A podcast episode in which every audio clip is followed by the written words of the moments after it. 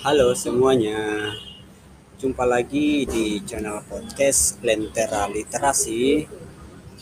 Kali ini saya akan membacakan sebuah cerpen karya Sujiwo Tejo dengan judul cerpennya SMS Lebaran yang bikin jengkel.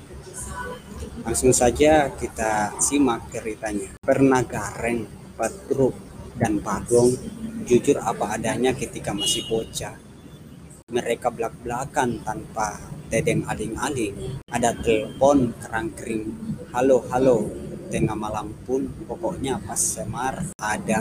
Ya, mereka bilang ada. Padahal Semar sedang capek atau kerokan. Akibatnya, malam-malam itu Semar mantul wuri Raden Arjuna Enta ke pacarnya yang sebelah mana. Habis itu Semar ampruk semingguan dia masuk unit gawat darurat. Anak-anak kapok. Eh, tolel eto. Jujur itu penting. Tapi yang lebih penting adalah wicaksono. Begitu para panokawan mengenang pesan-pesan Sudarma alias bapaknya. Artinya, demi kebijaksanaan, bohong sedikit-sedikit malah dihancurkan.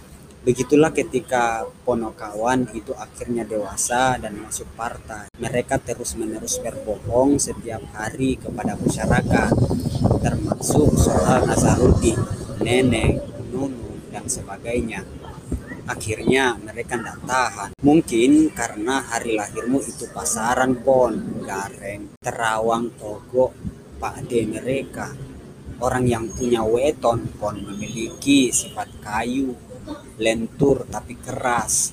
Selama ini kamu ikut-ikutan luwes ngapusi masyarakat soal senturi, lapindo, dan lain-lain. Tapi akhirnya kamu keras juga bagus orang pon itu salah-salah kalau tidak jadi kayu rapuh ya jadi kayu bakar kamu harus memilih hmm, hidup akhirnya memang soal memilih sama halnya kalau dari Surabaya mau ke Pacet kita harus memilih mau lewat Sukodono apa kali tengah tidak bisa mau semuanya Gareng pun sudah memilih tak ingin menjadi kayu rapuh maupun kayu bakar. Akhirnya Gareng keluar dari partai politik. Petruk dan Bagong juga memilih mengikuti langkah kakaknya itu.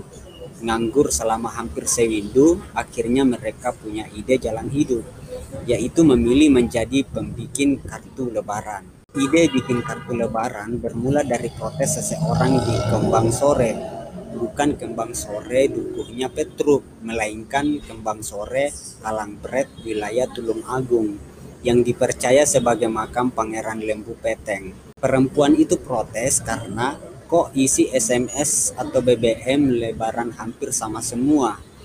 Kadang isi ucapan lebaran yang kita kutip dalam SMS balik lagi dari SMS orang lain dengan kutipan yang sama karena kawasannya ada hubungannya dengan lembu peteng yang goib.